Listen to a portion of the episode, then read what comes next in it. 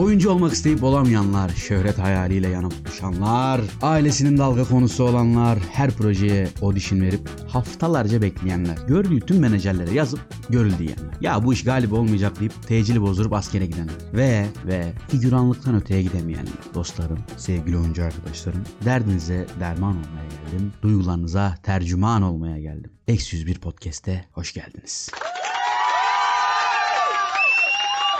Umarım önceki bölüm beğenmişsinizdir. Bayağı uğraştım çünkü. Kısa diyenler var ama bence güzel. Bu bölümde size dediğim gibi aslında hikayemin başını anlatacağım. Yani oyunculuk işine nasıl başladığımı, nasıl girdiğimi anlatacağım. Ben aslında liseden sonra çizim yapan, karikatür çizen, böyle mizah yapmayı seven bir adamdım. Yani üniversitede de aslında çizim yapabileceğim bir bölüme girmek istedim. Sonra Kocaeli Üniversitesi'nin Güzel Sanatlar bölümüne gittim. İşte mülakatlara girdim, çizim sınavlarına girdim, yetenek sınavlarına falan. Yetenek sınavını geçtim fakat mülakatta elendim. Sağ olsun ailem de inanılmaz destekçidir. Madem bunu kazanamadın o zaman git sağlık oku falan dediler. Yani klasik bütün ailelerin, güzel sanatlar okumanızı istemeyen bütün ailelerin olduğu gibi git sağlık oku işin hazır olur falan tarzında şeyler söylediler. Önceden dinlemeyecektim tabii yani ki bence birçoğunuz yerimde olsa dinlemez. Ben dinledim. Gittim. Bir sene yani hayatımda üniversite hayatının en saçma olacağı yerlerden birine gittim. Beylikdüzü'ne gittim ya. Beylikdüzü'ne sağlık okumaya gittim. Lan ne Beylikdüzü'nü seviyorum ne sağlığı seviyorum. Zaten bir sene boyunca hiçbir sikimden de anlamadım. Neyse öyle bir sene zar zor okudum. Bir senenin sonunda dedim ki ben bir daha sınava gireceğim. Bir daha sınava girdim. Sonrasında yine çok da önceden okuduğum okuldan farklı olmayan saçma sapan bir okulun. Bu sefer radyo televizyon sinema bölümüne gittim. Lise zamanlarında tiyatroyla falan çok ilgileniyordum. Tiyatro yapıyordum. Hatta belki dinleyen arkadaşlar bilir beraber oynadığımız arkadaşlar da vardır.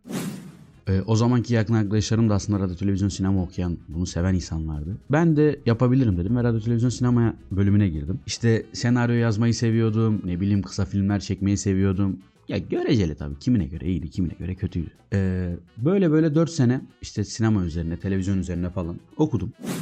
Sonra lisedeki tiyatro deneyiminin de vermiş olduğu gazla ben bir oyunculuk hevesine girdim böyle yani. Ben oyunculukla yapabilirim şeyine gittim. Zaten radyo sinema okurken ufak tefek eğitimler alıyordum. İşte kamera öne eğitimidir, şudur budur. Hani o tarzda eğitimlerin içine de giriyordum. Dizilere gidiyorum, setlere gidiyordum. Hem set ortamını görmek hem de bu işin nasıl işlediğini çok merak ediyordum. Ve oyunculuk oyunculara da çok böyle hayranlıkla bakıyordum yani. Onlar benim için ışıl ışıl parlıyorlardı o sette. Ya o işi yapmak istedim oyuncuları görünce. Ya dedim bu adamlar çok keyifli iş yapıyorlar. Yani sevdikleri işi yapıp ve üzerine deli gibi para kazanıyorlar. O yaşta bir genç için bulunmaz nimet. Yani hem keyif alacaksın bir işten ve bunun karşında deli gibi para alacaksın. Mükemmel. Bir oyunculuk hevesiyle sonra ajanslara gitmeye başladım. Ajans aramaya başladım. Buldum birkaç ajans. Ajanslar beni figürasyon olarak dizilere göndermeye başladılar. Bu TRT'deki dönem dizilerini bilirsiniz. İşte diriliş, kuruluş, bir şeyler falan bir ton hani sürekli bir dönem dizi çekiyorlar ya. Birisinde ölen öbürüne geçiyor falan. Ben de öyleydim aslında. Ama ben aynı dizide 3 kere falan ölüyordum yani. Bu arada o dizilerde ben neler oynadım ya. Abi kötü asker oldum, iyi asker oldum, halk oldum, manav oldum. Ya bir tek Ertuğrul'un atını oynamadım ya. Ama onu da oynardım ya. Hatta bak bir tane diziye gittim Mehmet Kutul Amare diye. TRT'nin bir tane dizisi. Bu dönem dizilerinden bir tanesi zaten. Gittim yolla beraber işte sete gidiş gelişle beraber 36 saat falan bir çekim şeyi oldu. Ve çok inanılmaz yorucuydu yani. İnanılmaz da soğuktu. Hayatımın en soğuk günlerinden bir tanesi. Abi çekim oldu. Ben işte ufak tefek göründüm falan. Biliyorum yani göründüğümü. Lan fragmana baktım. Fragmanda varım. Abi fragmanda var olduğumu görünce ben herkese yaydım. Şurada oynuyorum işte bak izleyin mutlaka beni görürsünüz diye. Abi benim bütün ailem oturmuş izlemiş. Lan bölümü bir izledim ben yokum. Ya fragman fragmanda varım, bölümde yokum. Ki bu nasıl oluyor bilmiyorum. Öyle işte figürasyon olarak bir ton diziye gittim. Sonrasında dedim ki ya figürasyon olarak bu işte bir yere gidemiyorsun. Çünkü insanlarla konuştuğumda bunlar konservatuvar okuyan, uzun süre bu işleri yapan insanlar falan. Dedim ki benden galiba olmayacak ve döndüm evime, memleketime döndüm. Zaten o ara pandemi falan girdi. Yani pandemi de sanki bana girdi arkadaş. Ya tam bak böyle güzel bir şeyler başlayacak yok pandemi oluyor yok böyle neyse.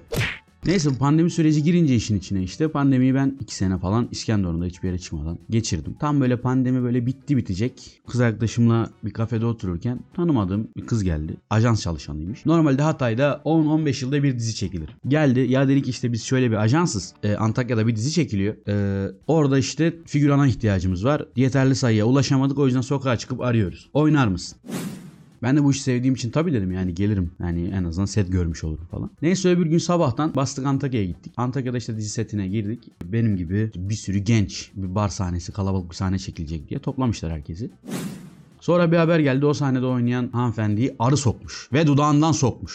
Ya bir insanı dudağından arı sokar ya? Neyse sahneyi iptal ettiler. Bize dediler ki oğlum burada takılın başka sahnede oynarsınız. Biz de dolanıyoruz orada falan. Bizi aldılar başka bir yere götürdüler. Oraya da işte bir plazada bir sahne çekilecek. Bir tane galiba kas direktörüydü. Geldi böyle uzaktan bak bakıyor bana dikkatli dikkatli. Ben de dedim lan acaba bir bok mu yedim yani. Geldi baktı. Abi dedi sende oyunculuk var mı? Dedim ki tiyatro yaptım zamanında falan. Ya dedi şuraya okur musun? İşte bir diyalog verdi. Okudum. Hoşuna gitti. Abi de şu ceketi giyer misin? Giydim. Abi küpeyi çıkartır mısın? Çıkardım. Fotoğrafımı çekti. Videomu çekti. Birine gönderdi. Bekle dedi iki dakika. İki dakika sonra cevap geldi. Abi dedi seni sahneye alabilir miyiz? Dedim olur.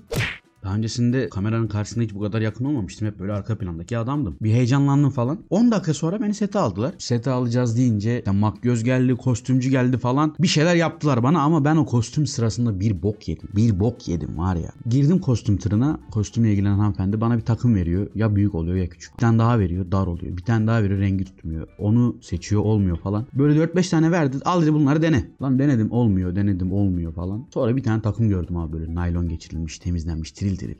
Dedim bence ben bunu da giyebilirim. Yani sonuçta kostüm tırında duruyor. İşte giyemezmiş. Abi giydim onu. Tamam? Ben bir de böyle beni bilen bilir. Leş gibi de terlerim. Sürekli terlerim yani. Abi giyerken zaten terledim. Ama yine oldu takım bana ve cuk oturdu. Abi takımı giydim. Kırıştırdım ne bileyim falan. Sonra baktım kostüm şefi koşarak geliyor bana karşıdan ve hiç güler yüzü değil. Lan ben meğerse o karşımda oynayan o rahmetli Rıza Akın'ın takımını giymiş. Abi adamın takımını giymişim. Ve sırf benim yüzümden yani ben öyle bir salaklık yaptım diye 20 dakika daha adama yeni takım gelmesini beklediler. Ve yukarıda bir kaos dönüyor. Zaten set ortamını bilen bilir sürekli bir kaos bir kargaşa vardır. Zaten o setin olduğu alanda bir e, gerginlik vardı. Dedim inşallah benden kaynaklı değildir. Öğrendim ki gecikmeden kaynaklı bir gerginlikmiş. Tabii o gecikmenin nedeninin ben olduğunu bilmiyorlar. Öyle bir sahne oynadım. Sosyal medyada paylaşmıştım. Bir havalara girdim. Güzel bir sahneydi. Çok böyle amatörce oynadım ama karşımdaki adam usta olduğu için tabii bir şekilde beni toparladı. Sonra yayınlandıktan sonraki gün beni bir daha aradılar. Dediler ki işte senin karakterin devamlılığı var. Sen yarın bir daha sete geliyorsun. Ben coştum zaten. Dedim ki tamam lan ben dedim oyuncu oldum artık. İşte orada bir rehavete kapıldım aslında. O an oyuncu olduğumu sandım. Bir anda tamam bu saatten sonra oyuncuyum çünkü bir diziye devamlı diyaloglu gidiyorum. Artık bir karakterim işte Kudret isminde bir karakterim falan diye coştum. Neyse öbür gün bir daha sete gittim. Sadece bir cümlem var. Eyvallah abi. Klasik zaten aslında ajanslara diyaloglu giren insanların hep başına şey gelir. Hep böyle bir mafyanın adamını oynarlar erkekler. Ve hep bir kelime bir cümle. Tamam abi eyvallah abi tamamdır abi falan tarzı. Hep aynı şeyi. Hüseyin'in adamı Kudret olarak bir isim verdiler bana falan. İşte setten sonra biri gelip fotoğrafımı çekti. İşte seni sitemize koyacağız. Şöyle böyle artık yapımdansın falan. Ben coştukça coştum anasını satayım. Girdim havalara. Bundan sonra dedim artık her hafta muhtemelen benim setim var. Çünkü adamın yani mafyanın adamıyım. Her hafta çağrılacağımı düşündüm. Sonra ajansa gittim. Beni oraya götüren ajansa. Dedim ki hani bu işin artık bir maddi boyutu vardır yani falan. Artık bir beklentiye giriyorsun çünkü. Adam dedi ki evet dedi. Yani o zaman işte ajans sahibi olan adam. Evet dedi bölüm başı dedi 120 lira alacaksın dedi. Bir şoka uğradım. Ama buna rağmen dedim tamam okey ben gelirim. Dinleyen arkadaşlar sakın ama sakın ikinci bölümden sonra gidip millete ya ben ne kadar para alacağım ben şu kadar mı alsam falan diye muhabbete girmeyin. Neyi yaptığınızı değil unutmayın. Neyi yapmayacağınızı söylüyor. Tabii ben ajans sahibine bu soruyu sorduktan sonra nereden bilebilirdim ki işin içine para girince benim yerime benim oynadığım rolü başkasına oynatacaklarını. Öyle bir şey oldu evet. Tabii ki de benim bu olaydan haberim olmadığı için ben aslında her hafta beni aramalarını, her hafta beni çağırmalarını bekledim. Fakat hiç kimse hiç aramadı yani. Ajanstaki beni ilk oraya çağıran kızı arıyor. Yok diyor işte senaryoda gözükmüyorsun. Abi senaryoda gözükmüyorum. Öbür bölümü izliyorum. Beni başkası oynuyor lan. O zaman gözükmem gerekmiyor mu?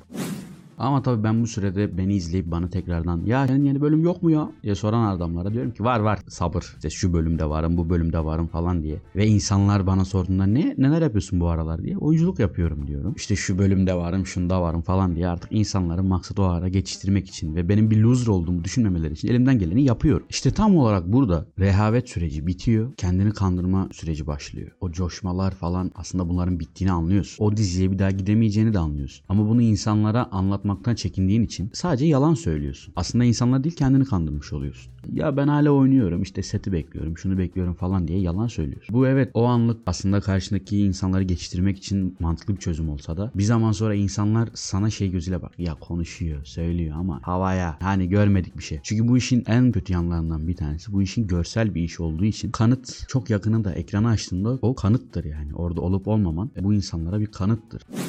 Tabii daha önce de söylediğim gibi yani buna inanırsın inanmazsın orası beni ilgilendirmiyor. Bu benim hikayemin aslında başlangıcı daha. Bir loser olarak başladığım hikayenin ilerleyen bölümlerinde aslında çok daha iyi işler yapıyorum. Ama onun da sonu çok farklı olmuyor tabii ki de. Ki bence bu sizin için sürpriz değil. Ve bir de size şeyden bahsetmek istiyorum bu aralar. Ee, gördüğüm bir program var. Yıldız de Bana isimli bir program. Ee, oyuncu adaylarının çıkıp skeçler oynadığı ve jüri etkilemeye çalıştığı bir program. Herhalde programın sonunda bunları alıp hakikaten setlere, dizilere falan gönderecekler. Ne kadar olacak bilmiyorum. Yani çok yetenekli insanlar. Hatta aralarından birkaçını Müjdat Gezen'e e, girdiğim zaman, Müjdat Gezen sınavına girdiğim zaman orada görmüştüm ve kazanmışlardı. Helal olsun. Tabii Müjdat Gezen hikayesi başka bir bölüm. Orayı ayrı anlatacağım.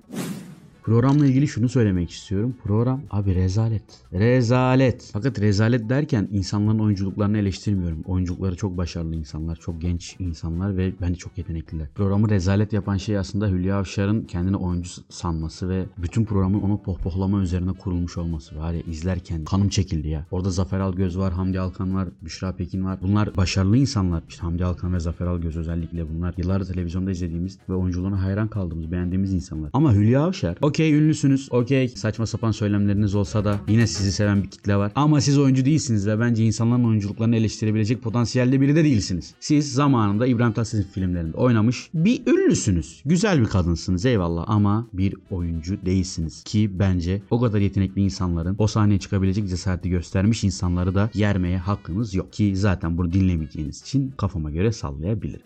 Bundan sonraki bölümde hikayenin geri kalanının bir kısmını anlatacağım. Beni tekrardan buraya kadar dinlediğin için umarım tamamını dinlemişsindir bu arada. Dinlediğin için teşekkür ederim. Umarım beğeniyorsundur. Herhangi bir önerin, bir şikayetin, bir eleştirin varsa bana eksi 101 podcast Instagram adresinden ya da Mahmut Halimoğlu Instagram adresinden ulaşıp bir şeyler yazabilirsin. Hatta zaten bunu dinleyenlerin çoğunda telefon numaram olduğu için direkt arayıp sövedebilirsin. Bundan sonraki bölümde tekrardan görüşmek üzere. Bye. Hadi öperler.